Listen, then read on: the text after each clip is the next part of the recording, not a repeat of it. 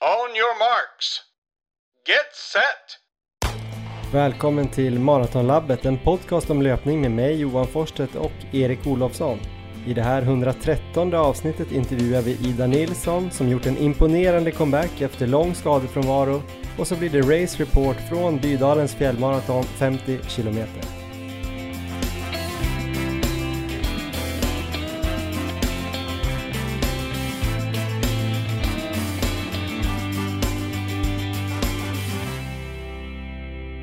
Då ska ni alltså vara varmt välkomna till avsnitt 113 av podcasten Maratonlabbet som idag kommer präglas en del av fantastisk fjällöpning, eller hur Erik Olofsson? Um, ja, fjällöpning ska det handla om precis. Ja, det kommer bli mycket fantastisk fjällöpning eh, och vi kommer då förutom race reports från Bydalen 50 km som vi har sprungit i helgen också få höra då Ida Nilsson som eh, berättar lite om hur det har varit att vara skadad i över två år men nu vara tillbaks och eh, vinna lopp igen. Och sen så i slutet kommer vi också prata om våra målsättningar för hösten 2021 Erik. Eh, har du dem klart för dig? Det har jag inte just för tillfället och det beror ju på att eh, jag vet inte riktigt hur mycket jag kommer kunna träna framöver. Jag har en idé vad jag hoppas kunna göra så att eh, vi får diskutera det i slutet lite grann. Ja, det kanske då blir mer av en diskussion då än eh, exakta Precis. målsättningar. Men eh, det blir kul att lyssna på kanske och kul att höra vad du har tänkt. Eh, och kul att höra vad du tänker om det jag har tänkt så att säga. Ja. Men vi kanske ska dra igång direkt då med en typ av race report från Bydalen och eh, de fina Jämtlandsfjällen där vi var i helgen och sprang då den här Buff Bydalen 50 km tror jag den heter. Kan vara den sista upplagan som sprangs av det här loppet eh, på grund av lite då eh, strul med ja, markägare och, och, samer och rennäring och sånt där. Vi får väl se vart det där landar men eh, det var i alla fall ett lopp som brukar marknadsföras som hemskt bara hemskt. Eh, jag vet inte om du höll med om det? Eh, 100% håller jag med om det. Det finns ju en väldigt bra reklamfilm på Instagram där de först visar Ultravasan och Lidingöloppet och deras höjdkurvor. Och de ser ut som helt raka streck. Och sen kommer då Buff 50K och det ser ut som en EKG-kurva, det är liksom upp och ner och upp och ner hela vägen. Och sen så avslutas den här filmen med att en löpare kommer i mål, uppgiven, tom blick, eh, lite så här skräck blandat med illamående. Och han som filmar frågar hur det gick. Eh, ja, men vi kan väl spela upp det här så alla får höra.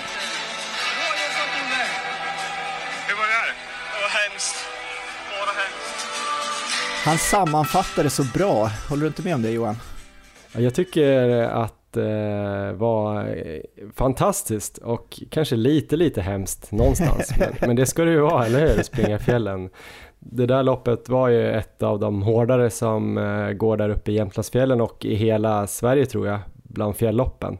Det finns säkert något som är värre, men det var i alla fall eh, då om jag ska ge lite förutsättningar och lite översikt över banan så här i början så var det 50 kilometer och det var 2900 höjdmeter fördelat på då, eh, man kan säga att det var egentligen fem eh, toppar man skulle upp på, eller fem och en halv kanske stigningar eh, under, här, under den här banan. Och den värsta var väl tror jag kanske 500-600 höjdmeter på 3 kilometer ungefär upp för Drommen det var den tredje stora stigningen ungefär i mitten av loppet. Men det var ju flera sådana 500 meters eh, toppar man skulle upp på då. Eller topparna var ju då såklart högre men eh, själva startpunkten var ju också högre än, än noll då så att säga om ni hänger med. Eh, ganska stökigt bitvis, speciellt utför den här Drommen då som var den högsta toppen. Där var det ju ett eh, litet under då att du kom ner två gånger utan att ha brutit något ben. Även jag eh, hade stora problem där och fick till och med använda mina stavar då som jag sprang med till att bromsa nerför där för att det var så jävla obehagligt. Men vi kommer väl tillbaks till det också.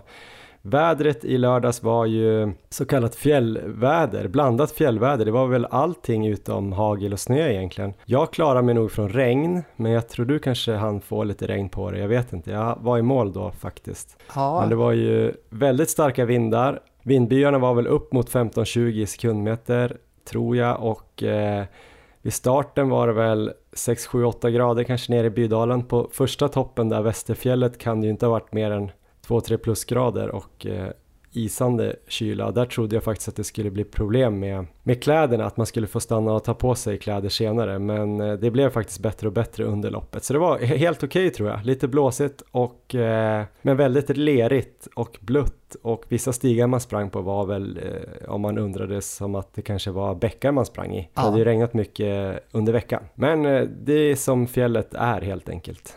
Jag eh, tänkte också dra några fler förutsättningar. Energiplan hade jag en väldigt enkel och genial energiplan egentligen. Man måste ju bära med sig då en eh, behållare för minst 5 deciliter. Man behöver väl inte ha den full men man måste ha med sig det för att man ska kunna då ta vatten på stationerna eller eh, sportdryck eller ta vatten i, i fjällbäckar och sådär. Och jag hade då en full 5 deciliters sån här softflask i min ryggsäck som man också måste ha med sig eller någon sån här löparväst med då sportdryck från Umara, eh, 60 gram kolhydrater var i den och sen hade jag då gels från eh, Mårten så jag hade alltså att jag tog då en gel och drack 5 deciliter ungefär varje mil för det var en vätskestation ungefär då varje mil, jag tror det var 10, 22,5, cirka 30 och 40. Ja. Jag vet inte, hur gjorde du med energin? Jag hade två mindre flaskor så att jag tog eh, vatten i en och sportdryck i en vid varje station och sen hade jag precis som du gels längs vägen. Ja, så jag fyllde alltså på då min eh, flaska varje station. Det gick ganska snabbt att skruva av korken och så var det någon snäll funktionär som hällde upp eh, från en tillbringare så jag skulle säga att jag hade ändå, även om jag stannade till och så snackade lite och hade lite trevligt på stationerna så var jag nog relativt snabb. Eh, det var många som stod kvar och åt kakor och godis och allt vad de gjorde, jag vet inte. Så jag tog nog lite tid där på några stationer, framförallt på slutet av loppet där vid 30 och 40 så funderade jag på vad de höll på med egentligen. Men Ja, jag kan väl tillägga att jag tillhörde där på slutet godisgänget som stod och socialiserade lite och eh, åt bars och lite snacks. Det var trevligt.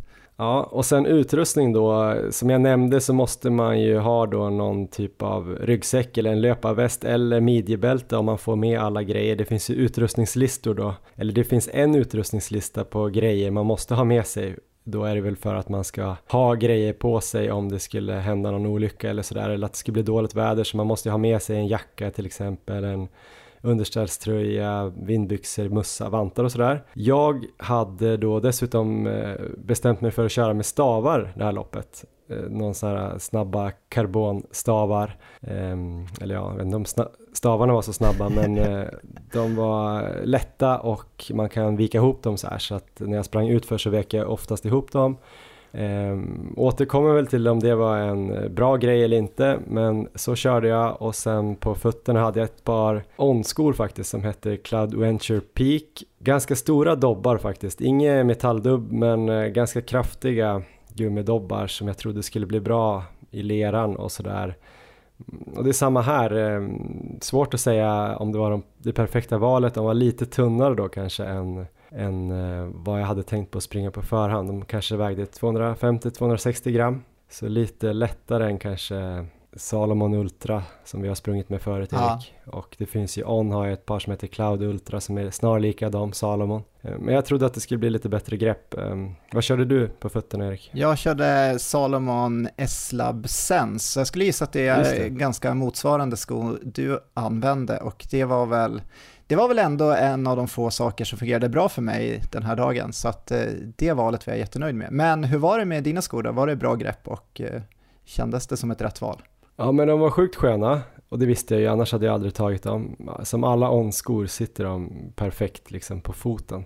Sen var de bra när det var blött och lerigt. Det jag kände var väl kanske lite där det var stenigt och utför och eh, lite blöta stenar. Där var jag väl inte helt säker på att jag hade det bästa greppet men som sagt det är nästan det svåraste att få till bra grepp på våt sten, så jag vet inte hur många som hade det. Men däremot de här dubbarna kanske var lite, lite stora märkte jag ibland när jag skulle försöka balansera på de här stenarna nere. Jag skulle nästan vilja ha någonting plattare.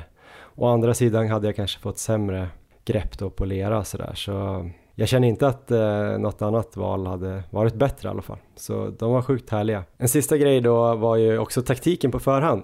Och här var det faktiskt lite intressant för att eh, jag fattar ju att jag inte hade tränat för det här loppet. Eh, men sen så pratade jag med dig jag skulle fråga om vad du tyckte att jag ska ha för taktik och då sa du, jag tycker du ska försöka vinna loppet. Du ska köra som Galen Rupp. Eh, jag har sett dig på fjället, eh, du ska vinna. Jag Ja. tänkte då, ja du är sjuk i huvudet Erik, du har fått eh, någon sorts eh, övertro på maratonlabbet här efter dina eh, succétävlingar här i sommar. Eh, fattar att vinna kommer jag aldrig göra, men däremot blev jag lite så här, fan taggad alltså, jag kanske kan göra det här bra. Och inte tänkte då på att jag inte sprungit eh, i sex timmar eller fem, sex timmar någonsin i mitt liv typ.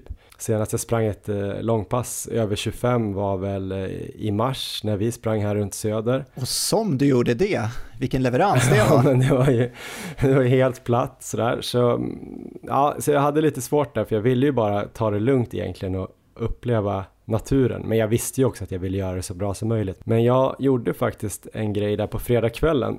Jag ringde upp till Carolina Wikström och jag har inte spelat in det här så jag får återge det. Men Ja. hon kanske inte är känd för att vara världens bästa fjällöpare. Hon kanske är det också, typ Sveriges bästa fjällöpare. Det vet man inte, men hon är ju Sveriges bästa maratonlöperska och taktiken i OS tyckte jag ju var väldigt intressant och eh, att den kanske skulle passa mig i det här loppet. Att just gå ut ganska lugnt, ligga långt bak och sen bara ha tålamod och eh, se då hur man kommer ikapp folk som eh, har gått ut för hårt. Så jag ringde upp henne och frågade lite om hon hade något tips för hur man mentalt skulle klara av och vara sådär kylig. Ja, Hennes tips var ju till slut då att, eh, eller vårt gemensamma, eller det vi gemensamt kom eh, fram till på slutet var ju att jag skulle gå ut med, med dig då i första backen uppför Västerfjället och ha väldigt trevligt upp och snacka med dig. För då, inte för att se ner på din, eh, men du hade snackat om att du hade så himla trötta ben sen Ja, 24 timmars loppet. så var det ju. han kommer nog inte spränga sig upp för första berget. Så då kommer vi kunna snacka lite där. Det är inte alltid så jätteofta vi springer ihop och så blir det nog inte allt för hårt för mig i alla fall. Det låter som en optimal taktik på förhand måste jag ju tillägga här. Ja, så eh, med det sagt så var det ju exakt så det blev. Du och jag höll ihop hela vägen upp för första bergstoppen där. Eh, Det var väl 5-6 kilometer kanske. Ja, Eh, du, Vi sprang och snackade hyfsat mycket men det började blåsa så jävla mycket där uppe så det var svårt att höra vad, vad du sa. Men eh, jag tyckte du gick på ganska hårt ändå. Så att jag var lite ändå orolig att det blev för hård öppning men eh, det var ju ändå inte så mycket löpning. det kändes ju inte som så på dig, för du sprang ju, eller gick och pratade hela vägen. Eh, jag tyckte du var lite störig, för att du, jag tänkte att nu är det ändå någon form av tävling. Det, vi kan ju inte hålla på så här och prata hela vägen. Men så att det måste ju, det kan ju inte vara något ansträngande alls för dig där, första biten. Jag låg väl på hyfsat ändå. Ja, men det kändes faktiskt ganska lätt. Jag, det var en period när jag tyckte att du flåsade ganska mycket faktiskt, om jag ska vara ärlig. Ja, Men eh, det kändes ändå som att eh, plötsligt så började du springa på och sådär och tog folk där. Så att eh, jag tyckte du såg bra ut. När vi kom upp där så sprang väl jag på lite. Men det var ju lite platt där ett tag och sen var det ganska brant utför till första vätskestationen. Ner i något som heter Mårdsundsbodarna vid typ 10 kilometer. Och där eh, gick det väl ganska bra. Det var väl någon som sprang kanske fortare ut för mig men jag blev lite carried away och eh, började springa ut i mossan och rundade en del av fältet ner där. Och någon skrek efter mig så här Wow, det ser härligt ut och då sprang jag ännu fortare ner där. så när jag kom ner där så hade jag nog plockat kanske 10 pers från Oj. toppen där. Eh, Och var väl 24 tror jag vid den första vätskan. Lite orolig att jag ändå hade sprungit på lite för hårt utför för även om eh, pulsen går ner mycket utför så får ju benen jobba en hel del om det blir för hårt så att säga. Men eh, det var kul och då sprack det ju upp också där och var otroligt vackert. Eller hur Erik? Fjälllöpning är fantastiskt. Eh, ja, ja det, det är det säkert. Ehm, jag kunde inte kolla lika mycket på det för jag var tvungen att kolla på fötterna. Men eh, jag kommer ihåg där på toppen att jag frågade dig om eh, eh, Eh, det var läge att ta på sig eh, jacka för det blåste ju storm där. Men då tipsade du, eller du sa i alla fall att nej, jag tror jag avvaktar med det. Och, eh, så det avvaktade jag också med och det var ett väldigt bra tips för sen vart det ju precis som du säger bättre väder och lite varmare där nere. Ja, men det var varmt och skönt där nere. Sen var det ju brant uppför igen, ungefär uppför typ samma fjäll fast på andra sidan. Ehm, då gick jag och snackade med en kille från Kiruna som hade tränat en del uppe i Abisko och Björkliden här i somras. Supertrevlig kille. Sen kom det kapp en eh, annan kille som jag borde komma ihåg namnet på för att han skrev till mig häromdagen men jag ber om ursäkt att jag inte la det på minnet, jag ska kolla igen snart. Men han hade i alla fall eh, bott i Norge, han var från Bräcke i Jämtland. Sprungit, eh, bott 16 år i Norge, hade lite problem att han bodde i närheten av Sondre, Nordstamoen, så att eh, han blev av med sina strava segment hela tiden. Tufft. Eh, men hade nyligen sprungit ett lopp mellan Oslo och Bergen tror jag det var. Det var helt sjukt, där han hade kommit tvåa. Ja, väldigt trevligt uppför berget där eh, i långsam, hyfsat långsam takt ändå. Och sen sprang jag väl på lite utför igen, ner till eh, 22. Och sen var ju den här uh, drommen då, den här värsta stigningen. Tänkte så här, här får jag väl gå hela vägen upp med mina stavar. Gjorde det också, kändes bra där nere, kände mig inte så påverkad av de här första dryga två timmarna, 2.20 kanske, som jag hade sprungit då. Men ganska snabbt i den här backen ändå så började jag känna någon liten så här uh, muskel-twitch i, i vaderna. Um, på framsidan av vaden och det brukar ju alltid bli så att jag får kramp i sådana här lopp men det hade ju inte känts någonting in, fram tills det här och eh, det kändes ju alldeles för tidigt här. Lite lätt såhär, uh, eh, orolig var jag i alla fall. Ja, jag hann ju tänka, jag hann ju tänka väldigt mycket under mitt lopp på uh, ja, olika saker och en sak som jag tänkte det var ju att det här är ju helt omöjligt att Johan inte får kramp under det här loppet. Eh, för att eh, som du beskrev det där partiet där, just där, det var ju brutalt tufft. De hade väl sagt där innan att eh, just den här biten förväntar vi oss inte att någon kommer springa i. Och jag tror inte det ens gick att springa, även om man försökte. Det var ju superbrant. Nej, vissa ställen gick det ju inte alls. Där var det väl som att klättra nästan då, lätt överdrivet kanske. Men det skulle vara kul som vanligt att se hur täten tar sig fram där. Verkligen. Men eh, jag tog det lugnt. Jag hade två killar i ryggen där som jag släppte förbi ganska tidigt för jag kände att jag blev lite stressad av att ha någon där i ryggen. Och jag ville försöka tänka bort eh, tävlingen så mycket som möjligt på ett sätt. Att jag tänkte så här, folk är ju olika bra på olika ställen på en sån här bana så att eh, ingen mening att bli stressad upp för här för att sen krampa i utförslöpan. Så att, eh, jag gick bakom dem där och eh, mös lite upp på fjället och försökte kolla ut ner över Storsjön och sådär eh, och försökte tänka att jag skulle njuta lite och då tyckte jag att de här små sticken i musklerna försvann också eh, när hjärnan fick vila lite. Tog mig upp på toppen där, upptäckte den här fantastiska utförslöpan då som snarare var någon typ av självmordsaktion. Eh, det var väl någon kilometer rakt utför, jag vet inte hur det skulle vara att springa där om man var helt pigg. Jag tror det hade varit svårt Eh, första biten gick i alla fall att springa, sen kom man in i något område där det var lite vegetation. Eh, sista 500 meterna ner till Dromskåran där, där var det ju brutalt. Jag vet inte om du, hur du kom ner där? Alltså, Nej, jag vet inte jag, heller hur det gick till. Det sjukt svårt att ta mig ner och det var ju riktigt så här ah, hackigt löpning, alltså det var mycket eh, så typ hoppa ner och tok bromsa så där. Det kändes som århundradets styrkepass ner där. Så det var inte tekniskt fulländat på något vis. Det känns ändå bra att du säger det Johan. Jag gissar att du tog det ner dubbelt så snabbt som mig, men det känns ändå bra att du också kände så. Och där var det faktiskt en kille som tog sig ner dubbelt så snabbt som jag också. Eh, men jag kom ikapp honom upp för den här dromskåran då, som var väldigt stenig och eh, oländig och han tror jag sprang eh, lite, lite fel på ett ställe. Han stack upp någon stig så han fick vända, men det var väl typ 10-15 meter och då kom jag ikapp det sista som jag hade hade kvar till honom och då frågade jag om han var orienterare eller något för jag såg att han hade någon tröja som stack ut under jackan som såg misstänkt lik ut som en orienteringströja i nylon och starka konstiga färger och sådär. Så han hade sprungit för Haninge, nu bodde han faktiskt i Uppsala och sprang för OK Linné men han var sjukt snabb utför. Eh, så jag vet ju att det går att göra mycket på de där utförssträckorna. Men runda den här äh, Dromskåran, man kom upp där på äh, andra sidan då och kollade ner i den här uh, ravinen då och såg folk springa upp för på en liten sån här single track stig. Eh, där var nog mitt finaste moment faktiskt, för då kände jag mig pigg. Eh, jag hade kommit upp där, visste att jag skulle hålla ganska bra ner till 30. Det såg sjukt fint ut att springa upp där. Jag visste att det inte var det, men det såg fint ut uppifrån. Så där njöt jag lite mer. Fantastiskt med fjällöpning, eller hur Erik? ja, Visst.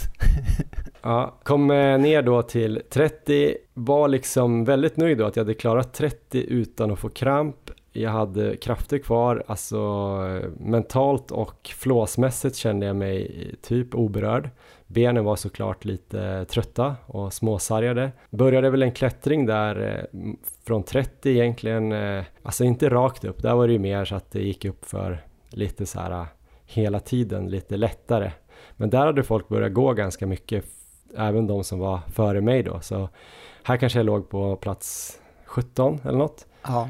Men började liksom plocka folk uppför där fast jag typ gick snabbt och småjoggade lite och de såg jävligt bra ut så jag var förvirrad där faktiskt. Kan det ha varit stavarna där som hjälpte dig? För att du var väl en av de få där framme som körde med stavar? Ja, kanske. Alltså jag tänker att eh, för mig tror jag att det hjälpte ändå. Eh, hade väl lite kanske piggare ben än vad jag skulle haft eh, eh annars, tror jag. Eh, just i själva aktionen där vet jag inte hur mycket, mycket mer fart jag fick upp men jag tror att jag avlastade benen så att jag kanske var piggare än dem då för att de hade kanske startat lite för hårt. Men jag gick kanske om typ 4-5 pers där upp, eh, upp mot eh, Falkfångarfjället hette det va? Ja. Tog mig upp hyfsat bra där, tog jag någon kille till, hade en snubbe som jagade mig, han kom liksom ikapp men la sig 10 meter bakom och småflåsade i flera kilometer lät det som. Och jag var lite så här, men vad fan, spring om eller tappa, ligg inte precis där bakom. Men sen såg jag toppen och tryckte på lite, då sprang jag ifrån honom. Det här var ju vid 37 kanske. Och sen fick jag ju världens fart mellan 37 och 39, då var det lite lätt utför och platt och där var jag nere på, det hade jag någon kilometer nu såg jag på 4.30 och 4.40 liksom, vilket är ganska snabbt ändå på fjället efter 37 kilometer. Jag kan tillägga att det är brutalt snabbt, för jag vet ju vad jag själv låg på där. Vi kan väl återkomma till det sen. Jag låg väl ner mot fyra blankt några partier också, när jag kollade på klockan då. Eh, kanske fick lite hybris här. Här började jag tänka att jag var stark och kanske låg bra med och skulle trycka resten, fast det var över en mil kvar. Ehm, men det gick bra till eh, den stationen och sen gick det jättebra två kilometer till. Då såg jag också, det var ju väldigt glest här framme då, för då hade jag väl, eh, jag tror jag var 11 vid den här uh, sista stationen. Såg då en, jag tror det måste varit hon som kom tvåa, hette hon Johanna Bygdell kanske? Ja. Och fick väl någon idé om att jag skulle um, plocka henne innan Drommen. Jag vet inte vad jag tänkte då. Det, det gick så bra bara det var verkligen runners high, alltså årets eh, upplevelse. Tyvärr då eh, avslutades den med att jag typ sprang in i någon myrmark, alltså jag sprang ju rätt och så, men det var jätte, jätte blött och tungt och ramlade typ ner i någon bäck och eh, fick värsta dippen. det gick så sjukt snabbt. När var det då? Vilken kilometer? Ja, men det var ju ganska exakt så här 42,5 typ, så jag var ändå rätt nöjd att okej, okay, jag klarar en mara utan att få några så här extrema krampproblem. Jag hade ju haft lite känning och var tvungen att kanske tagit ner hastigheten lite uppför i någon backe där men jag hade ju ändå kunnat springa på nu de senaste 4-5 kilometerna rätt bra.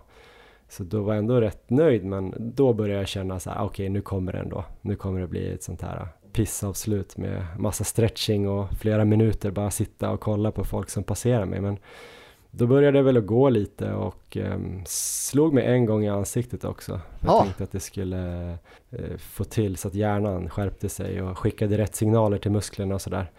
Kände väl att så här, okej okay, men nu kommer den här killen som jagade mig för länge sedan. Han kommer väl komma kapp nu. Men det får vara, det får vara så tänkte jag. Jag vill bara klara banan nu hyfsat. Jag har gjort, eh, gjort det så bra hittills, jag vill inte sabba allt. Så att eh, jag gick rätt mycket upp mot, eh, mot drommen där innan eh, man skulle ta den sista stigningen och han kom ikapp mig precis eh, när man sprang längs eh, kanten av drommen där. Ja, när man det. precis hade sett eh, dromskåran igen då uppifrån. Jag sa jag har kramp, det är bara att rycka så tar du mig och så sa han så här, ja det skulle vara kul att komma under sex timmar, det har jag aldrig gjort förut. Aha!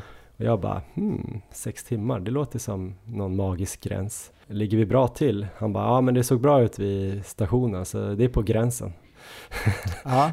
precis vad jag inte ville höra, men precis kanske vad jag behövde Ja, göra. För jag fick väl ändå lite krafter då att absolut inte försöka hänga på honom för det var kört men jag joggade mig fram till, till där det började stiga och kände faktiskt då lite som jag tror du också kände, du kommer väl berätta om det snart men att det var ganska skönt att det gick upp för då för då var det nästan som att det var okej okay att gå uppför. Ja. och då tyckte jag att jag kunde lägga ganska mycket tyngd på armarna.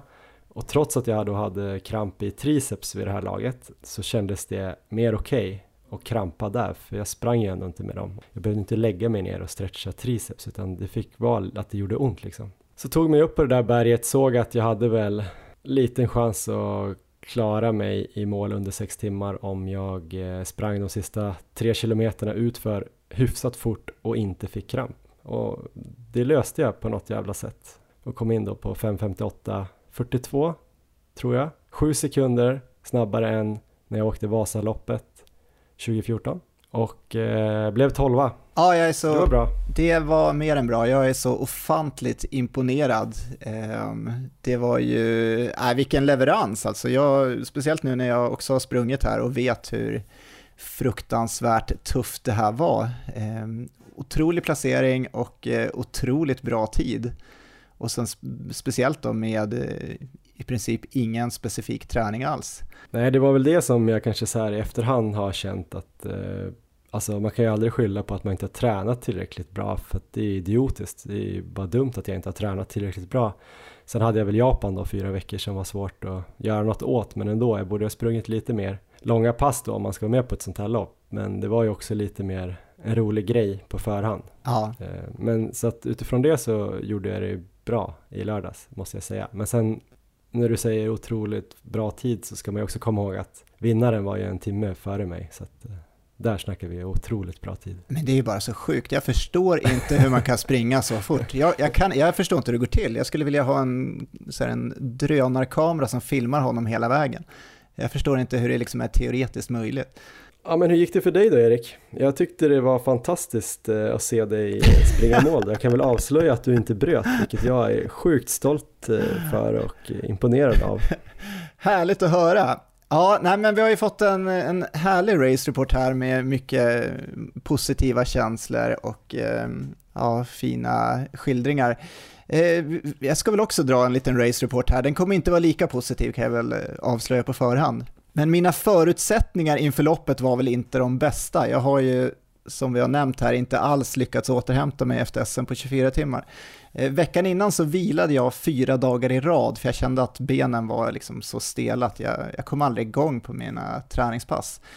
Eh, men sen efter jag hade vilat så testade jag två dagar innan loppet och då kunde jag i princip inte springa snabbare än 5.45 fart där på min vanliga runda i Uppsala. Så i normala fall hade jag nog inte kommit till start, men anledningen att jag nu var anmäld då till eh, det här, ja, Sveriges kanske tuffaste fjälllopp var ju att min barndomsvän som också heter Erik har en stuga i Bydalen precis bredvid starten. Och för cirka 14 månader sedan kom han och två andra kompisar på idén att de skulle springa loppet och ingen av dem har någonsin tävlat på någon löpdistans överhuvudtaget, bör tilläggas.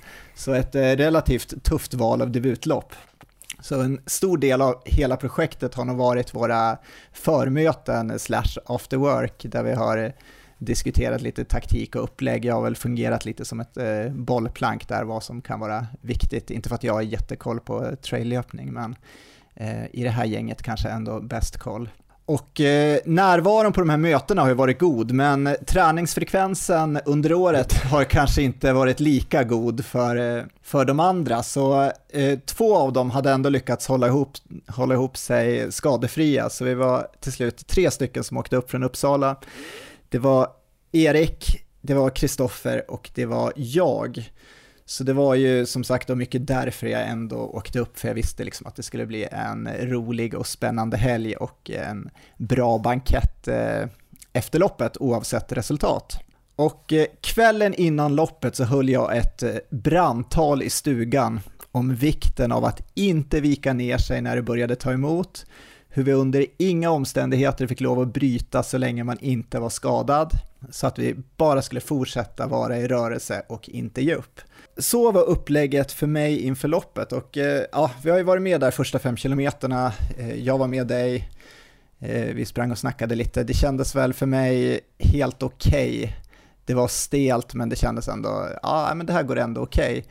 Och sen så började den här delen när du började springa ut för och började ta massa folk och det fick ju jag se där i alla fall till en början, för du försvann, eh, jag kan väl säga väldigt snabbt framför mig eh, och många andra också. Eh, det var dels på grund av stela ben, dels på grund av eh, dålig utförsteknik, eh, men framförallt var det på grund av feghet. Eh, jag är ju livrädd för att skada mig och jag kände mig snabbt där liksom när det började gå ut för att det här, det här kan sluta illa. Så mindes jag tillbaka, ja, du kommer ihåg när vi sprang Jämtlandstriangeln, det, mm. det slutade inte så bra med Eh, det var väl i princip en bruten stortå och en halv framtand där. Så jag tänkte att det där ska jag försöka undvika idag. Och sen hade jag en till faktor som talade emot mig, det är att jag är livrädd för att bli blöt om fötterna. ja, då var det fel lopp. en, en otroligt dålig egenskap för traillöpare har jag insett. Eh, så medan andra, ja, ni springer väl bara rakt fram. Du bara kör genom pölan eller hur funkar det liksom för dig när, du är, när det blir blöta partier? Ja, alltså kortaste vägen oftast, men Aha. är det jätteblött eh, så om man ser att det finns någon torrare liten eh, omväg så kan det ju ändå gå snabbare om man inte fastnar i någon lera eller, eller en bäck. Så att eh, ibland så springer man ju runt men inte kanske på grund av att man inte vill bli blöt utan att man tror att det kommer gå fortare. Ja just det. Jag var mer så att jag trippade runt på stenar, jag sprang ut i mossan, eh, och eh, ja, stod och så här velade när det blev vattendrag och grejer. Så i ungefär, jag tror ungefär 8 kilometer så kunde jag ändå hålla fötterna helt torra, så att jag, jag skulle gissa att det var nog längst av samtliga deltagare på banan. Det tror jag också. Men sen var det liksom kört på den banan också. Andra stigningen så började jag liksom misströsta på riktigt. Jag kände mig stel, eh, fötterna var blöta, kalla, jag försökte hitta något syfte med att bara fortsätta kämpa, men jag hade inget tids eller placeringsmål. Eh, jag försökte njuta av utsikten och liksom kolla runt över fjället, men eh, eh, jag insåg ju liksom att jag måste ha koll på fötterna hela tiden, för annars kommer jag ramla. Så att jag kunde inte riktigt ta in någon naturupplevelse heller. Och till slut var jag i alla fall uppe och skulle få springa ner den här, som jag trodde den här lätta sträckan ner mot starten igen, där vid 22 kilometer. Men då var benen liksom så stela att jag knappt kunde hålla sexfart nerför, jag fick bara springa och bromsa.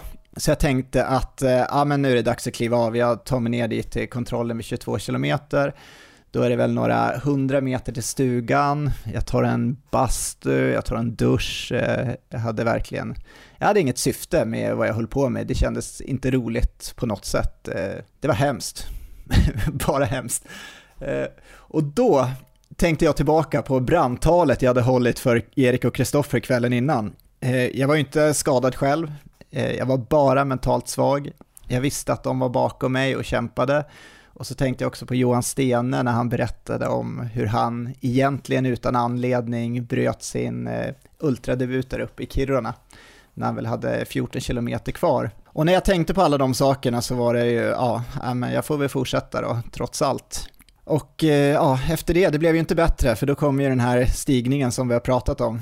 Ja, alltså den här första delen du beskriver nu är ju ganska härlig ändå att springa. Men jag tog mig upp för den här eh, värsta stigningen då som vi har redan varit inne på.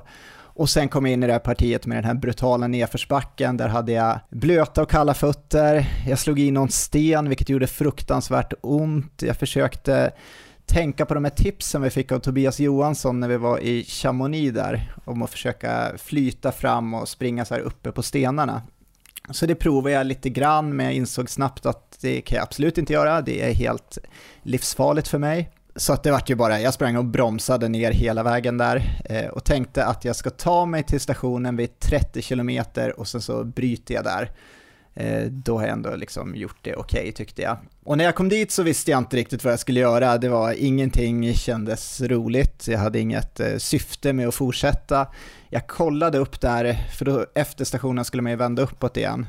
Ehm, och den här stigen som gick upp där, det var ju som en fjällbäck som rann ner. Så det, ja, då ska, vi, då ska vi springa i en bäck nu, så jag stod och funderade en stund och åt en energibar. Och då fick jag i alla fall lite nytta av de här långa loppen som jag kört på slutet. För då tänkte jag att det är två mil kvar, det är ändå ganska lite i jämförelse med vad jag har gjort på slutet. Eh, Okej okay att det är många höjdmeter, men eh, ja, det är två mil. Och så tänkte jag på mitt brandtal som jag hade hållit i stugan. Och så fortsätter jag i alla fall, upp genom bäcken, vidare upp över kalfjället där. Och till slut så kom vi till det här partiet där det började plana ut, där du beskrev det som att du hade eh, börjat ösa på och sprang i någon slags eh, fyra fart kanske, eller 4.30. Eh, jag sprang också på allt jag hade, men det var väl mer någon slags sexfart, 6.30 kanske. Eh, riktigt, riktigt stelt, men det kändes ändå som att ah, ja, men nu, nu går det ändå rätt okej. Okay. Och när jag tänkte det, det var någonstans vid 36 kilometer, så springer det förbi en man. Eh, och när han passerar mig så säger han så här att om de skulle spela in en reklamfilm och behövde någon med snyggt löpsteg, då skulle de mm. inte välja någon av oss. och sen, spr sen sprang han vidare ifrån mig. Så tack för de peppande orden. Eh, men jag fortsatte, eh, kom fram till stationen vid fyra mil. Och där i alla fall efter det, jag stod och socialiserade lite där, eh, fick sportdryck, fick vatten. Och då hittade jag i alla fall ett syfte med att fortsätta kämpa för det hade jag ändå gjort hela loppet egentligen, trots att liksom det var hemskt och att det kändes dåligt så hade jag, jag hade ändå kört på så hårt jag kunde den här dagen. Fegat ut för att liksom tagit det lugnt där, men även om jag hade haft en sån här toppendag och varit i toppform så skulle jag aldrig kunna springa snabbt ut för ändå. Det, det fixar jag inte och det vågar jag inte. Eh, men mitt syfte blev att försöka ta mig under sju timmar, så sista milen så kämpade jag på med det i sikte. Och eh, ja, eh, men jag slet på och till slut så tog jag mig in på 6.53 och eh, ja, allt som allt så var det hemskt, bara hemskt. Jag har en bild som bevisar att du inte tyckte det var bara hemskt. Jag har en bild när du gör någon sorts segergester efter andra stigningen och det är en fantastisk fjällvy, man ser någon sjö där bakom, Erik Olofsson med utsträckta händer Visserligen ansiktsuttrycket kanske inte bara vittnar om att du njöt, men ändå gesten där känns ändå som att det var, det var en segergest. Jag tror jag kommer lägga upp den här på Instagram eh, i samband med att vi släpper det här avsnittet, så får ni se att det var ändå ganska härligt tyckte Erik. Nej, men jag är ju faktiskt eh, imponerad. Jag hade ju visserligen eh, kanske bytt om och ätit och vilat ett tag när du kom i mål, men jag hade nästan kunnat sätta pengar på att du skulle gå av i 30. Inte för att du är vek eller så, men just eftersom du var lite sliten inför loppet och 30 tror jag ändå att eh, då hade man ändå gjort ganska stor del av en ganska hård bana faktiskt och det var jättenära målet och eh, det hade varit lätt att bara knata ner där tror jag. Men nej, det var jävligt kul att se det där och jag tyckte det var en bra tid. Ja, nej men jag är jättenöjd utöver förutsättningarna och så här i efterhand så är jag ändå nöjd att jag kämpade på och tog mig mål och det är ju alla sådana här erfarenheter av med sig sen, just att ha gjort de här hemska sakerna, eh, kommer ju ändå eh, gynna oss tror jag. Att man vet att man har varit i den här situationen, man kan tänka tillbaka på det och eh, ja, det är, det är, inte så mycket som kan bli så mycket värre än vad det var där. Så att det är ju, jag är glad att jag har med det. Jag känner dig Erik, ge det här någon vecka till så kommer du ringa mig och hålla på och hetsa om att vi ska köra Tour de fjällmaraton nästa år. Alltså, hela den här fjällmaraveckan, alla lopp. Det brukar ju vara så, redan dagen efter så brukar jag glömt hur hemskt allt är och eh, vara sugen på att ta revansch, men eh, nu är det två dagar efter och det är, det är inte nära. Jag, jag inser mina begränsningar, eh, så jag kan väl säga att det här var ju min Ultra Trail-debut. Jag kommer nu pensionera mig som traillöpare jag eh, återgår till eh, min naturliga platta miljö så att eh, det blir inga höjdmeter alls framöver, löparbana, eh, kanske asfaltsmaror och eh, där kommer jag köra. Däremot så tycker jag att du ska ju tveklöst satsa mer på det här framöver för att eh, din insats den här dagen var, eh, det var superkul. Jag var jätteglad när jag kom i mål, eh, dels för att det var över men också då, när jag fick höra din tid och eh, hur eh, otroligt fort det hade gått. Ja, det var kul att höra Erik. Ehm, tack så mycket för de orden. Ehm, ja, nej men det var jäkligt kul, bara kul.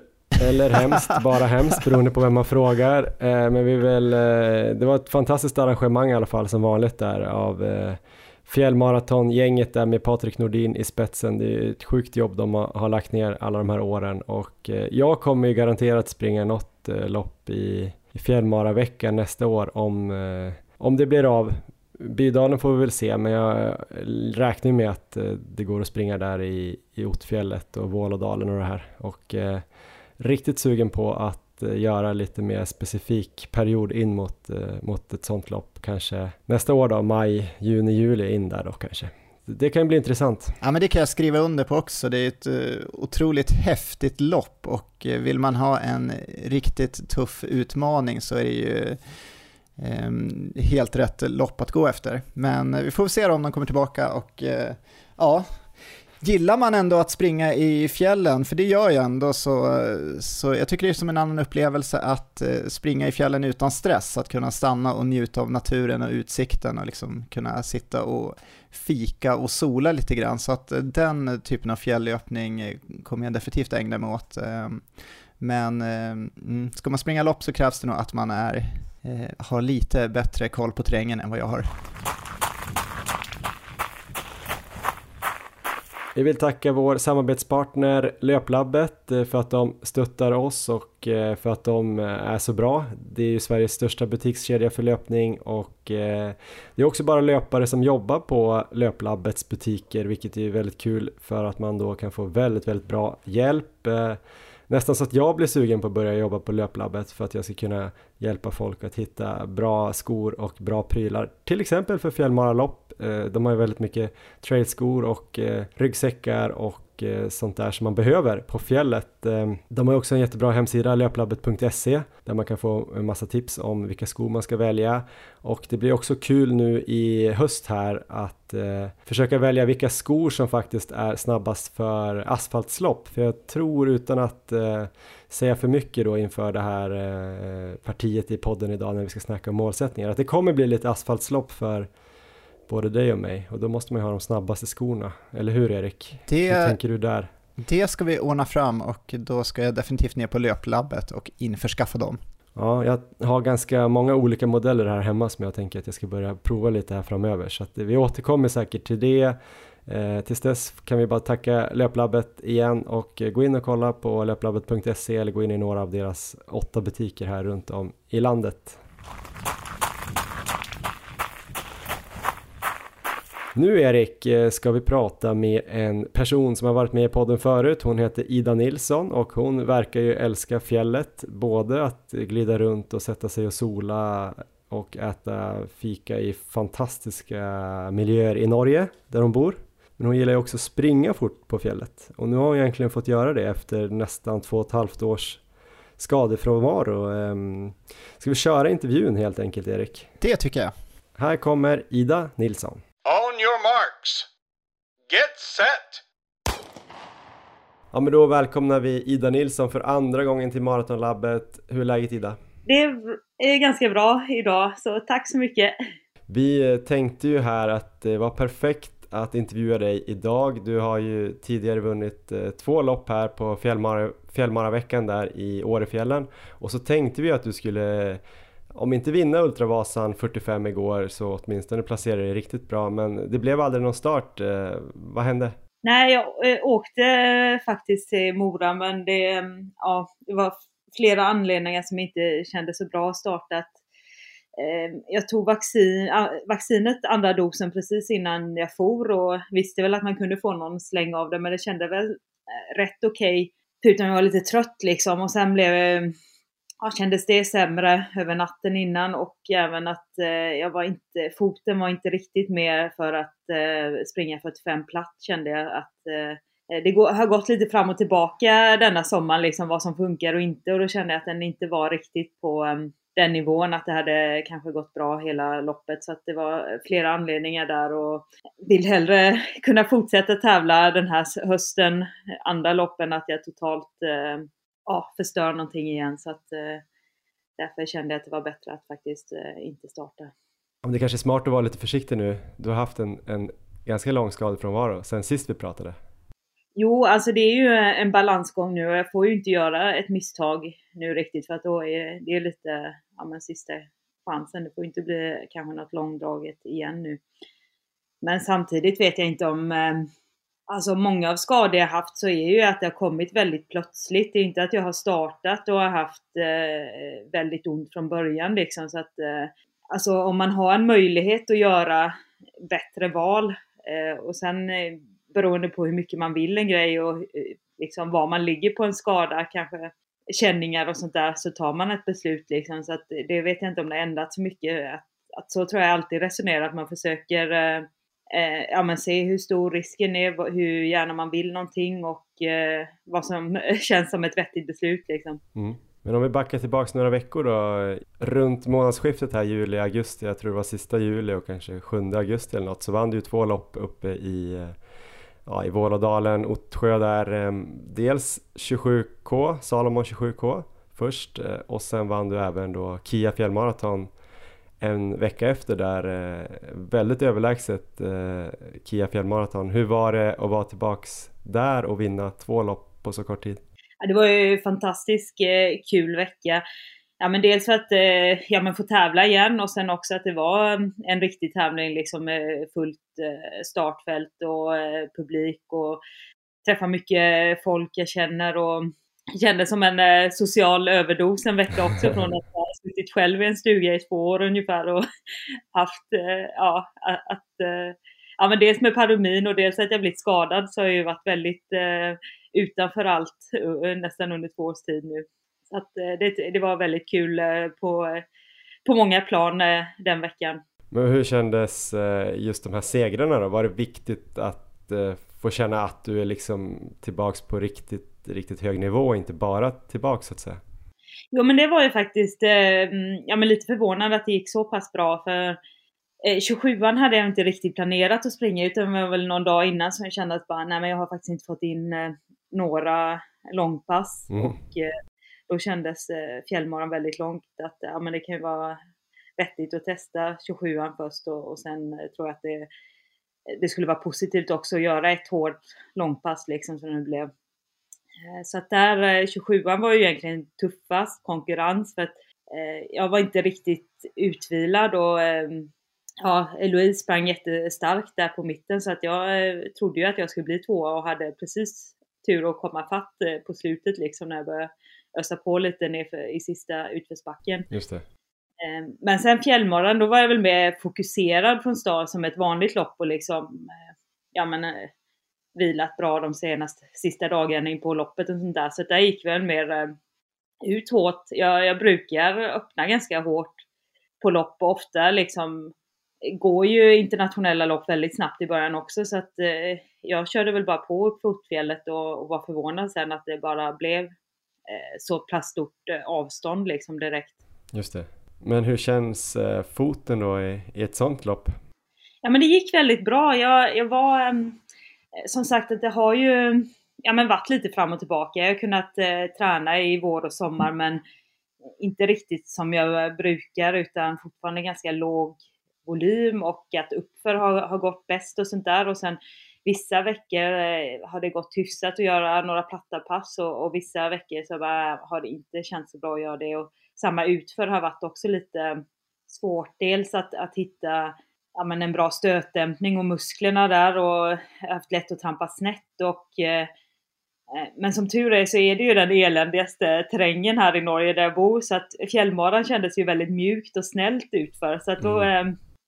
eh, kände jag det på 27an att jag hade lite positivt, så här bara, men jag kan ju faktiskt springa ut för eh, kände jag då fortfarande. För det har jag ju känt här lite så bara, men jag kan faktiskt inte springa ut för nu. Det är, jag är så otroligt långsam liksom. Så att, eh, det var skönt att, att göra loppet där och den snällare terrängen och, och också mjukare utförsbackar. Att, att känna att den nivån fixar jag i alla fall nu. Men eh, vi har ju varit inne på det nu då, du har ju haft en lång skadefrånvaro, det kanske är trist att gräva i den, vi ska prata om vad, vad du tänker framåt också. Men eh, du var ju med i podden, jag tror det måste ha varit våren 2019, du höll ju på att träna inför Hamburg Marathon som vi tyckte var jättespännande att du skulle springa. Och i loppet fick du väl problem med foten? Vad var det som hände och var det den skadan som har hållit dig borta typ tills nu mer eller mindre. Eh, precis. Att det blev eh, extremt eh, långt av, avbrott. Att, när vi pratade senast så var jag i Flagstaff då och eh, höll på att träna på det här. Och, eh, jag hade en kanonbra vår där och kände nog att jag var i den bästa formen på, eh, på väldigt, väldigt länge. Och att jag märkte att det gick faktiskt ja, men på all, det var inte bara plattlöpningen utan jag tror att jag hade kunnat få en riktigt bra säsong även eh, traillöpningen och, och bergslöpning senare för jag kände mig väldigt stark uppför och sånt där också då. Men eh, som sagt, jag fick eh, stressfraktur i båtbenet under Hamburg Marathon och det kom ju liksom från jag hade inte känt verkligen någonting och så började jag känna där eh, strax innan halvvägs att någonting kändes extremt dåligt liksom. Eh, och så eskalerade det ganska snabbt under några kilometer till att liksom det verkligen inte gick att ta ett steg till liksom. För att det gjorde så ont. Eh, så, eh, och sen, ehm, ja som sagt, en stressfaktor i båtbenet är ju väldigt dålig från början. Att det tar lång tid så att jag eh, väntade väl den här vanliga åtta månader och hela sommaren och hösten där och eh, gjorde annat. Och Eh, och tänkte att det skulle läka liksom. Eh, men sen när jag försökte komma igång på våren så kändes det ganska dåligt och ja, men många sa ja men det kan kännas dåligt upp till ett år och du får ge det lite tid och, och ändå den där känslan, någonting var inte bra liksom att det ska inte göra så här ont fortfarande för att jag hade egentligen haft konstant molverk liksom ett år och mm. eh, haft stressfrakturer innan och jag vet ju att den känslan går ju, brukar ju gå bort efter Eh, ett tag liksom när det började läka och att det kändes inte bra att ha den där brännande bolverken eh, fortsatt liksom när det gått ett år, att det är någonting som inte är bra. Och det var lite svårt att få hjälp där också i och med att eh, det var mitt under pandemin och allting var nedstängt. Eh, eh, ja, så att det, det tog lång tid, det blev utdraget och sen till slut så, så träffade jag en läkare på, i Umeå där på, på Sportsmed och som hittade att det var ett annat problem i foten också varför stressfrakturen inte ville läka. Och, och så blev det att jag har gjort en dubbeloperation nu, så dels har de satt en skruv i båtbenet och sen har jag knackat bort benmassa på utsidan av foten liksom för att göra den rörligare för att den satt helt låst i ett läge som bara ja, men pressade på alla benen ihop liksom så att det inte blev någon eh, cirkulation eller vila eller läkning för båtbenet. Så det, nu har jag inte några problem med båtbenet alls men det är fortfarande den här andra operationen som är lite kinkig att hitta liksom ja, men musklerna och ny rörlighet och att jag blir ganska trött snabbt. Så att, men det är någonting som jag tror kommer bli helt bra att eh, nu måste jag vara göra vettiga val den här sommaren och så tror jag med en vinter till i pjäxorna och gå skidor och eh, så tror jag att det kommer bli eh, väldigt bra sen till nästa säsong igen att jag kan eh, springa mer och längre igen. Kan du ångra att du började prova på slätlöpningen eller hade det här kunnat kommit oavsett den säsongen tror du? Nej, alltså det är väl klart jag ångrar enskilda val där för att det blev ju såklart för mycket med det här. Men det var ju alla de där grejerna ihop att lite för snabbt att jag, att jag började springa i fatet som jag inte gjort på ett tag och eh, inte rätt skor, kanske liksom för många grejer ihop liksom, och för lite vila. För jag tror att det, eskalerade lite just på slutet där innan maratonloppet att jag skulle, ja vi hade ett, ett trailläge som blev jättemycket en vecka med höjdmeter och sånt och mycket annat, resa och stress. Alla de där faktorerna ihop liksom som, som gör att eh, stressfaktorer upp, uppkommer liksom. Så att jag tänker bara det med skoutvecklingen nu liksom, att bara ha tränat sådana uppbyggda skor som är nu hade ju varit en jättestor skillnad. Jag sprang ju i jättekassa skor fortfarande då när jag sprang eh, långpass på asfalt och sådana 4 gånger 5 km på asfalt och sånt där. Så att, eh, det är, jag har ju ett par, liksom nu, ett par Alpha Fly som jag testar och jag bara men shit vilken skillnad. Här får man ju inte ont överhuvudtaget i fötterna eller benen liksom. Det, det har ju aldrig någonsin varit bekvämt att springa asfalt förut liksom. Så att, eh, jag förstår ju den här utvecklingen att folk bara kan eh, träna hur mycket som helst som man har sett nu. För man förstår bara, men hur kan de springa sådär mycket liksom? Och, eh, eh, jag förstår ju att det, det, är en stor skillnad alltså. Men eh, sen då under den här skadeperioden då, du har ju bevisligen kommit tillbaka i väldigt bra form. Nu är det så svårt att jämföra eftersom de har gjort om banorna där uppe precis. Och, och de här tiderna vet man ju inte vad du hade kunnat gjort för, förr i tiden så att säga. Men hur, hur har du hållit uppe eh, formen då? Man har ju sett att du har gjort en del skim och sådär men eh, är det bara det som har gjort att du har hållit så bra eller andra träningsformer också? Nej men eh, alltså jag, jag cyklade ju en del på sommaren där men sen efter operationen var det faktiskt väldigt svårt för att det var nästan ingenting jag kunde göra. Att först hade, eh, var jag på kryckor och, och såret skulle läka. Och, så då var ju vattenlöpning eh, inget alternativ och sen eh, var inte cykla bra heller faktiskt på hösten för det blev också liksom eh, ja, men för mycket tryck och, och ont. Så att, jag kunde knappt göra någonting på fyra månader där. Så att då var det enda jag kunde göra var att stå på knä och köra skier. Oj. Så jag gjorde jag lite ibland för att liksom, och sen såklart rehab och, och styrka och sådana saker. Men eh, jag kom igång efter eh, nyår sen och, så gick skimo snabbt väldigt bra faktiskt. Så det var, det var skönt. Så, så sen hade jag en jättebra vinterträning med det och få vara ute i fjällen igen var ju också härligt efter den där så lång tid när man är fast nere liksom. Mm. Eh, så att det, har gått bra och det, jag tror den här pjäxan är ju perfekt också. En liksom styv karbonpjäxa som man trycker ner foten i och då får den också eh, vila och läka naturligt liksom.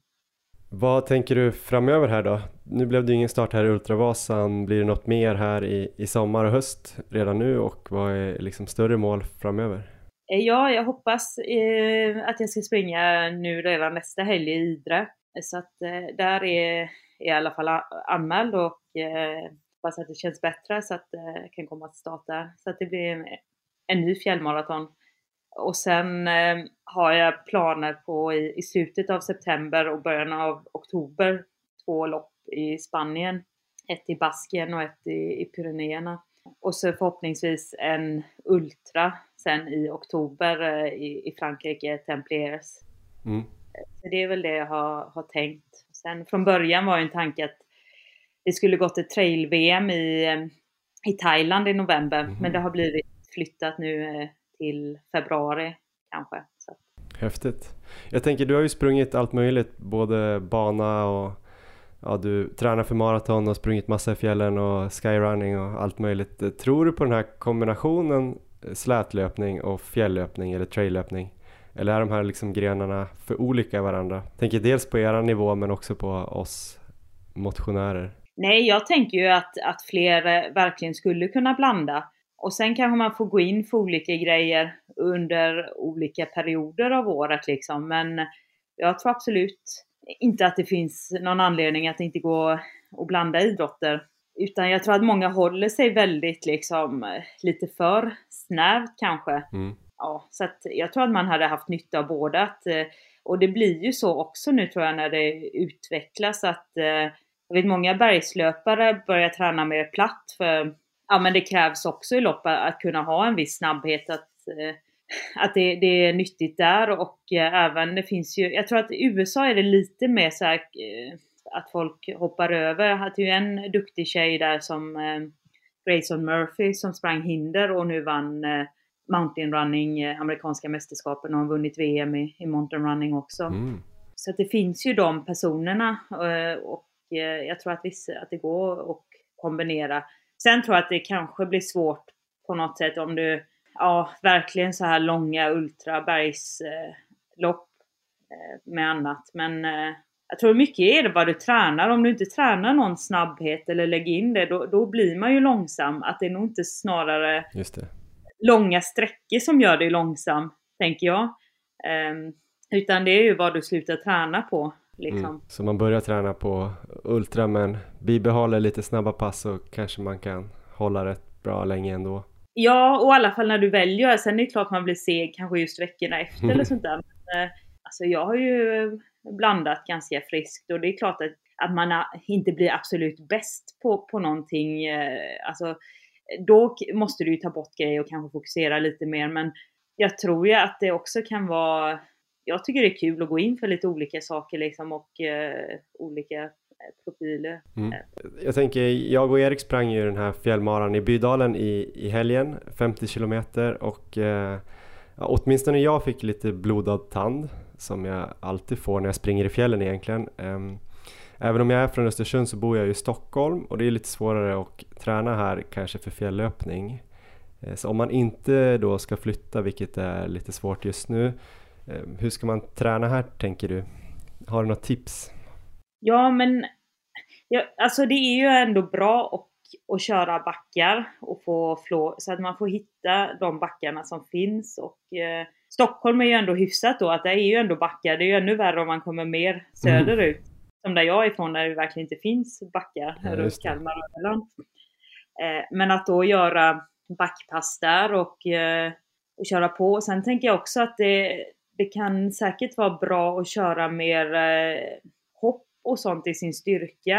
Eh, och den typen av träning och få lite att, att kanske köra mångsteg, kanske köra knäböj, upphopp eller om man bor nära ett gym att man kan köra lite knä, liksom ett, ett styrke och sen gå ut och springa för då får man lite den där tröttheten i, i lår och sånt också som, som är känslan av att, att springa bergslöpning, att det är ju aldrig helt fräscht liksom någon gång. Så att det tror jag kan vara ehm, bra strategier och liksom lägga lite extra krut på, på benstyrka och sen köra backar som finns. Ja, ungefär den känslan som man hade då i 27 kilometer i lördags. Att man hade kört typ 2000 knäböj innan. Ja, ja men lite så, det är ju det. ja, men eh, superbra Ida och kul att du är tillbaks och kul att du är så stark. Eh, får väl hoppas att vi ses på någon, något fjällmaralopp framöver, antingen den här säsongen eller kanske, kanske nästa sommar.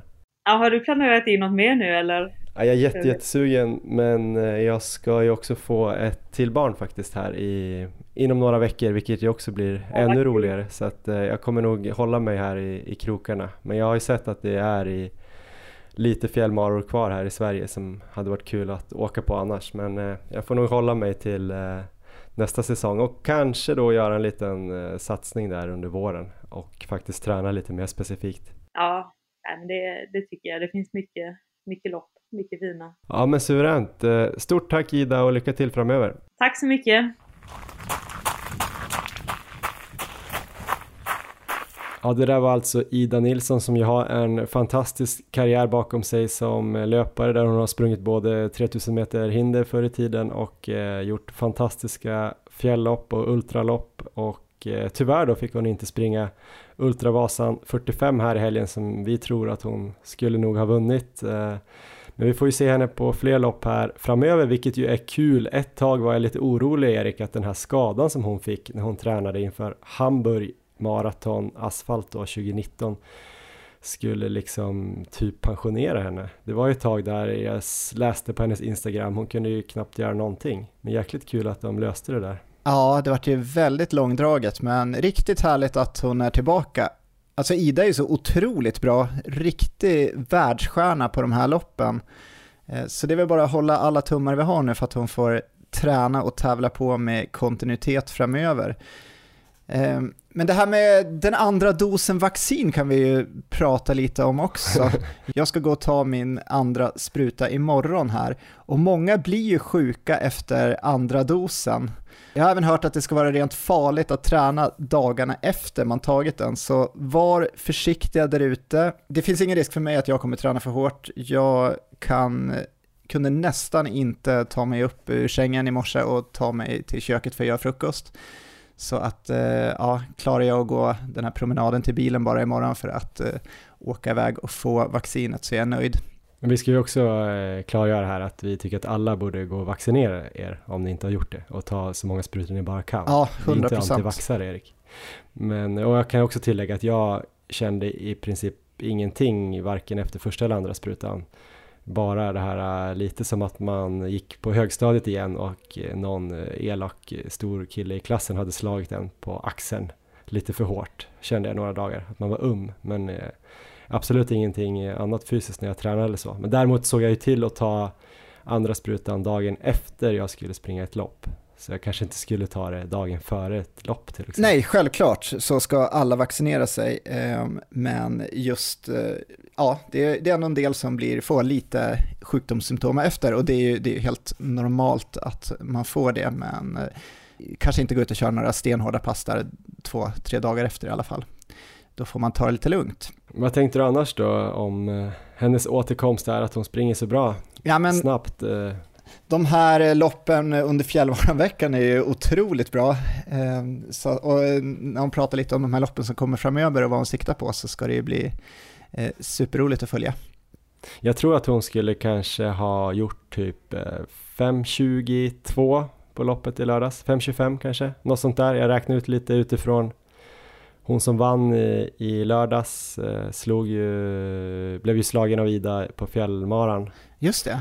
I Åre där så att eh, jag tror typ att eh, jag hade nog fått vara väldigt långt bakom Ida. Och jag tycker också den här intervjun eller Idas eh, kamp att komma tillbaks ändå säger en del om att eh, det går att komma tillbaks fastän det ser mörkt och hopplöst ut och det går att komma tillbaks i princip lika bra som man var innan även om det låter helt overkligt. Ja, Och som tur var så har inte vi behövt eh, vara skadade så här länge. Jag hoppas inte vi får uppleva det, men om vi blir det så Ja, så får man väl sätta upp en bild på Ida Nilsson på kylskåpet och kämpa på för att eh, ja, hon har gjort det starkt. Kul!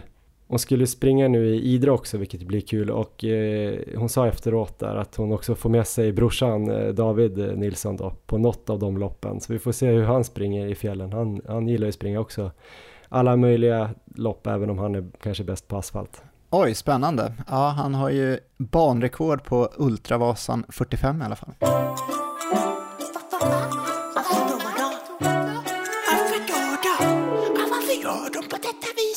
Ja, men då har vi en liten återkomst här då för eh, veckans fråga som vi då tog bort medvetet här under sommaravsnitten som faktiskt blev eh, lite väl långa för att även ha då veckans fråga. Men nu är den tillbaks, det känns kul så ni kan ju höra av er till oss om ni har någon fråga så svarar vi gärna på den i det här segmentet. Den här veckan kommer det ju vara då en ganska intressant fråga faktiskt för hur vi ska då driva den här podden vidare här under hösten eller vad vi ska prata om egentligen och det är ju då frågan vad är egentligen våra målsättningar för hösten 2021? Eh, vill du börja Erik? Det är en bra fråga. Jag vet inte exakt vad du vill göra i höst. Vill du köra ultra? Vill du köra maraton? Vill du köra mer fjällöpning? Jag antar att det är mer fjällöpning du vill göra. Eh, Jag vet inte vad jag vill göra riktigt eh, förrän jag var tvungen att börja fundera på det här ordentligt faktiskt. Eller jag har haft en vag aning. Men, men du får börja Erik. Vad, vad siktar du på 2021? Hösten? Ja, jag har väl haft en eh, ganska klar plan rätt länge som jag har fått ändra lite på slutet. För eh, som jag nämnde här i min race report så jag har ju inte lyckats återhämta mig som jag hade hoppats efter 24-timmarsloppet. Det är ju fyra veckor sedan nu. Ehm, och tanken var ju att jag skulle vara i en specifik eh, period här för maraton med sikte mot Stockholm Marathon och försöka göra en riktigt bra tid där. Men nu är det för lite tid känner jag och jag tror ju inte att det här eh, fjälloppet som vi sprang i lördags kommer gynna eh, maratonsatsningen heller. Så att det kommer nog ta ett tag innan jag kan börja träna normalt igen. Och jag vet inte riktigt när jag liksom är återhämtad och benen börjar kännas normala. Så jag till att börja med beslutar mig för att jag ska springa Stockholm Marathon, men där kommer jag springa som någon slags eh, inofficiell farthållare för sub 3. Eh, förhoppningsvis tillsammans med dig Johan. Och Mm. eh, det är ju, då är tanken att eh, har man det målet så häng gärna på oss där och eh, spring med oss så ska vi försöka göra vårt bästa för att hålla så jämn fart som möjligt så att man ska kunna ta sig under tre timmar. Mm. Ja, men det låter ju trevligt. För dig Verkligen. kommer det bli eh, en liten lätt jogg. För mig blir det nog, eh, jag vet inte om jag klarar under tre timmar på maraton längre. Efter helgens uppvisning så, så är jag inte orolig över det. Men så det är väl det första, första målet, är väl bara att liksom för mig komma i någon slags löpbart skick Eh, och sen så eh, blir det väl det första loppet. Det är möjligt att om benen skulle eh, kännas bra framöver, trots allt att jag kommer till start i något kortare lopp också. Men sen då, efter Stockholm Marathon, så är väl ändå förhoppningen om att jag ska kunna göra några veckor med bra maratonträning och få till en mara senare under hösten, kanske någon gång i november, men ännu oklart vilken. Så här är planerna fortfarande lite, lite lösa. Jag hoppas hitta ett bra maraton här ehm, och försöka göra en bra tid på. Jag är anmäld både till Barcelona och Valencia, för de var jag anmälda till förra året och har fått startplatserna ehm, skjutna framåt. Så det är alltså antingen i början av november eller början på december. Sen kommer jag runda av säsongen med 100 km i Växjö på personliga rekordens tävling och det kommer gå andra helgen i december. Så det eh, siktar jag på blir slutmålet för säsongen. Så det är lite så, det är eh, förhoppningsvis eh, två maror och ett 100 km lopp, så ett ganska tufft schema men eh, jag hoppas det ska gå vägen. Mm, spännande Erik. Ehm, jag tänker, eh, vill du vara lite mer specifik än så? Jag fattar att du i nuläget inte riktigt vet vart du står och när dina ben kommer vara fräscha igen, men har du liksom någon tanke om det är något av de här två loppen då, maraton eh, i november eller december eller 100 kilometer som är liksom ditt huvudmål och finns det några tider? I fjol hade du ju den hårda målsättningen på sub 2.30 på maraton och ett tag tänkte väl jag att den här ultrasatsningen var visserligen en rolig grej men också ett medel för att nå det här målet att du skulle bli ännu uthålligare och kanske para ihop det med lite snabbhet och göra 2.30 är det så att du rullar över mer och vill bara köra ultra eller vad tänker du? Är det viktigare att kanske sikta mot 2.30-2.35 på maraton eller springa 100 km på någon speciell tid där i Växjö? Ja, men jag skulle säga att båda målen eh, är viktiga för mig och jag hoppas att jag ska kunna kombinera båda eh, på ett ganska bra sätt här. Just de distanserna känner jag ändå är eh, hyfsat nära varandra. Det är skillnad med till exempel 24 timmar som är något helt annat. Men ja, alltså drömmålet på maraton är ju 2.30 och hade jag inte blivit så sliten nu efter den här sommaren med alla de här tuffa loppen. Jag har ju verkligen inte varit så snäll mot min kropp här med 100 km lopp med 24 timmars lopp och sen buff 50k så att jag är ju för tillfället så fruktansvärt sliten. Men kan jag ändå återhämta mig på ett par veckor så, har, så drömmålet är ju 2.30 och ja, jag får väl försöka ändå träna på mot det Ehm, jag tror ändå jag kommer ha en hel del fördelar av den här ultrasatsningen. Eh, dels eh, har jag gjort eh, saker som har varit mentalt fruktansvärt jobbiga, så jag hoppas vara lite mentalt starkare. Jag får träna mycket på energiplan, så där kommer jag säkerligen kunna få i mig energi på ett bättre sätt under ett maraton än vad jag fått tidigare. Sen så saknar jag ju farten just nu, så där måste jag ju komma igång och få in eh, dels pass i specifik maratonfart och även snabbare än så känns det som. Så vi får väl se hur det rullar på helt enkelt, men det är klart, eh, ja, kommer jag till start i ett maraton då, inte Stockholm då där vi går för sub 3, men senare så kommer det ju antingen vara för sub 2.30 eller om jag nu eh, haft lite sämre period kanske det istället blir eh, ett pers. Det är svårt att säga just nu. 100 km i Växjö där, där är ju också, ja, det blir också ett hårt mål, men där är ju drömmålet under sju timmar.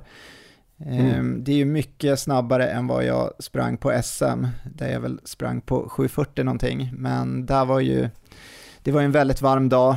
Ehm, jag kände väl inte där att jag hade någon toppendag, benen var väldigt slitna ganska tidigt och jag fick kämpa på med det, så att eh, ehm, just i Växjö då så springer vi inomhus. Det kommer ju vara perfekta förutsättningar från den aspekten i alla fall. Så att eh, där kommer jag väl ja, träna för att kunna göra under sju timmar där. Så att eh, någonstans där ligger väl målen. Kan de ställa ner temperaturen inomhushallen där typ till 11-12 grader eller är det 20 grader? För jag tänker mig ändå att eh, inomhus är ju kanske varmare än optimalt egentligen om det är vanlig inomhustemperatur.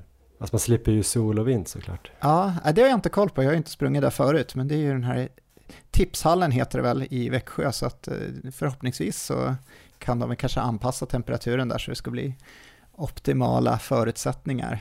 Det är perfekt för dig också, inga vyer överhuvudtaget eller inget härligt och så här. Ingen, ingen sten och så. Bara en bana, ingenting att titta på. Inga störningsmoment. Inga renar som springer runt och ser härliga ut. Nej, det... Du inte tänka att du är en ren som flyger över fjället. Jag längtar redan, det känns, det låter fantastiskt på alla sätt. Så, så ser min höst ut. Men eh, nu till eh, något som kanske är ännu mer intressant tycker jag. Jag är väldigt intresserad av att höra dina målsättningar för resten av året Johan. Ja, kul Erik. Eh, Jag tyckte du var lite vag här för en gångs skull. Du brukar ju vara väldigt, väldigt tydlig med exakta datum och eh, tider och sånt där. Ja. Men det kanske du får eh, vara lite vag ibland också. Men jag mejslade i alla fall ut att det var sub 7 på 100 km i Växjö andra helgen i december och sen en mara då under 2.30 i drömmen men kanske i alla fall 2.35. Nu sa inte du 2.35, du sa pers. Det är väl typ 2.37 kanske. Ja, Min eh, målsättning är ganska klar. Jag har eh, haft den i bakhuvudet hela säsongen. Jag trodde att vi båda hade samma mål. Men nu har ju det blivit lite ultrabiten så vi får väl se hur det går här då. Men jag är ju också anmäld till Valencia Marathon. Det var ju också en plats då från i fjol som blev framflyttad. Om nu eh, allt det här med coronapandemin går åt rätt håll och så att det inte blir mer restriktioner eller att det känns eh, dumt att åka iväg så är tanken då att jag åker till Valencia om det är 5 eller 6 december och springer maraton. För jag har ju faktiskt inte sprungit någon ordentlig maraton tycker jag sen Frankfurt va? Eh, jag sprang ju MLM i fjol och det var ju en riktig maraton och så men det var ju inte en sån här stadsmara med massa folk och, och kul happenings runt omkring och, och lite större startfält. Jag blev ju skadad inför Valencia 2019. just det. Det kanske inte är just nu det absolut roligaste jag kan tänka mig att springa. Kanske att jag skulle vilja springa något kortare. Kanske att jag skulle springa mer trail och fjällöpning. Men den säsongen börjar ju ta slut eh, nu och eh, jag får ju barn här inom några veckor eller någon vecka. Så att eh, just nu är jag ju kvar i Stockholm såklart och tar hand om familjen så gott jag kan och stöttar Emma. Så att det blir inga resor här förrän kanske då Valencia. Eventuellt om vi skulle iväg på ett läger i oktober, november, det får ni höra mer om i sådana fall. Men eh, så en ganska lång eh, utläggning här då, men eh, huvudmål Valencia Marathon. Vi måste bara sätta en tid Erik. Ja, Jag tycker det är lite svårt för att i fjol snackade jag om 2.45. Det var det här lockande målen som skulle vara väldigt svåra att nå. Det var ju väldigt svårt att nå för mig. Eh, känns nästan lite oödmjukt att sätta hårdare än 2.45 när jag sprang på typ 2.50 höga i fjol. Så men 2.45 känns samtidigt lite snällt på ett sätt inför säsongen. Vad tycker du Erik? Vad ska jag gå för? jag skulle sätta sub 240 på dig om, eh, om jag får sätta ett mål. Jag skulle i alla fall ha det att träna emot och sen så eh, får vi se hur den specifika perioden går. Eh, Mm. Om vi ska justera det åt något håll, men det tror jag är en bra utgångspunkt. Ja. Det är ju 15 veckor till Valencia Marathon och det är väl ungefär det jag känner att jag behöver för jag tror att eh, som du är jag rätt sliten nu efter Bydalen. Jag har inte några 24 timmars lopp i benen men Bydalen 50k löpning 6 timmar i stökig terräng kanske man ska respektera lite så jag borde kanske ta det ganska lugnt nu en eller två veckor. Optimalt vore det nästan om, om eh, bebisen kommer här i imorgon eller något så kan man bara ligga hemma och gosa i två veckor och sen börja springa och ändå ha 12-13 veckor till Valencia. Men det är det jag också känner att det är skönt att ha ett mål lite längre bort så jag faktiskt kan bygga upp någon typ av uthållighet. Så att det blir ett äkta mål så att säga, som är inte bara något jag säger utan något jag faktiskt kan jobba mot. Eh, Så det blir ju bra. Eh, Jag funderar på att jobba lite mer med mina gamla snälla målsättningar där jag har kanske ett, eh, ett eh, drömmål och där kanske jag skulle säga 2.40. Alltså jag förstår att min eh, maximala fysiska kapacitet, eh, om jag skulle nå den, då skulle jag ju kunna göra 2.40 teoretiskt. Jag har gjort en 16 på halvmaraton och det var ju i fjol. Jag tror ändå att jag var bättre här i våras än det. Men eh, nu är jag kanske inte det just idag, men eh, en 16 på halvmaraton ska ju ändå kunna ge under 2.40. Så det är inte omöjligt. Jag tror dock att det, det blir jävligt svårt. Sen när man då siktar på 2.40 och jag tror att SM-kvalgränsen är kvar på 2.39, det vet jag inte. Rätta mig om jag har fel, men då känns det så här konstigt. Det hade ju varit någon sorts dröm att också få någon gång kvala in till SM på någonting. Ja, men det tycker jag definitivt kan gå för. Så att det är väl någon sorts drömmål. Sen tänker jag en annat steg som jag skulle vara rätt nöjd med, det är ju typ, men sen blir det så konstigt för då är det sånt hopp till 2.45.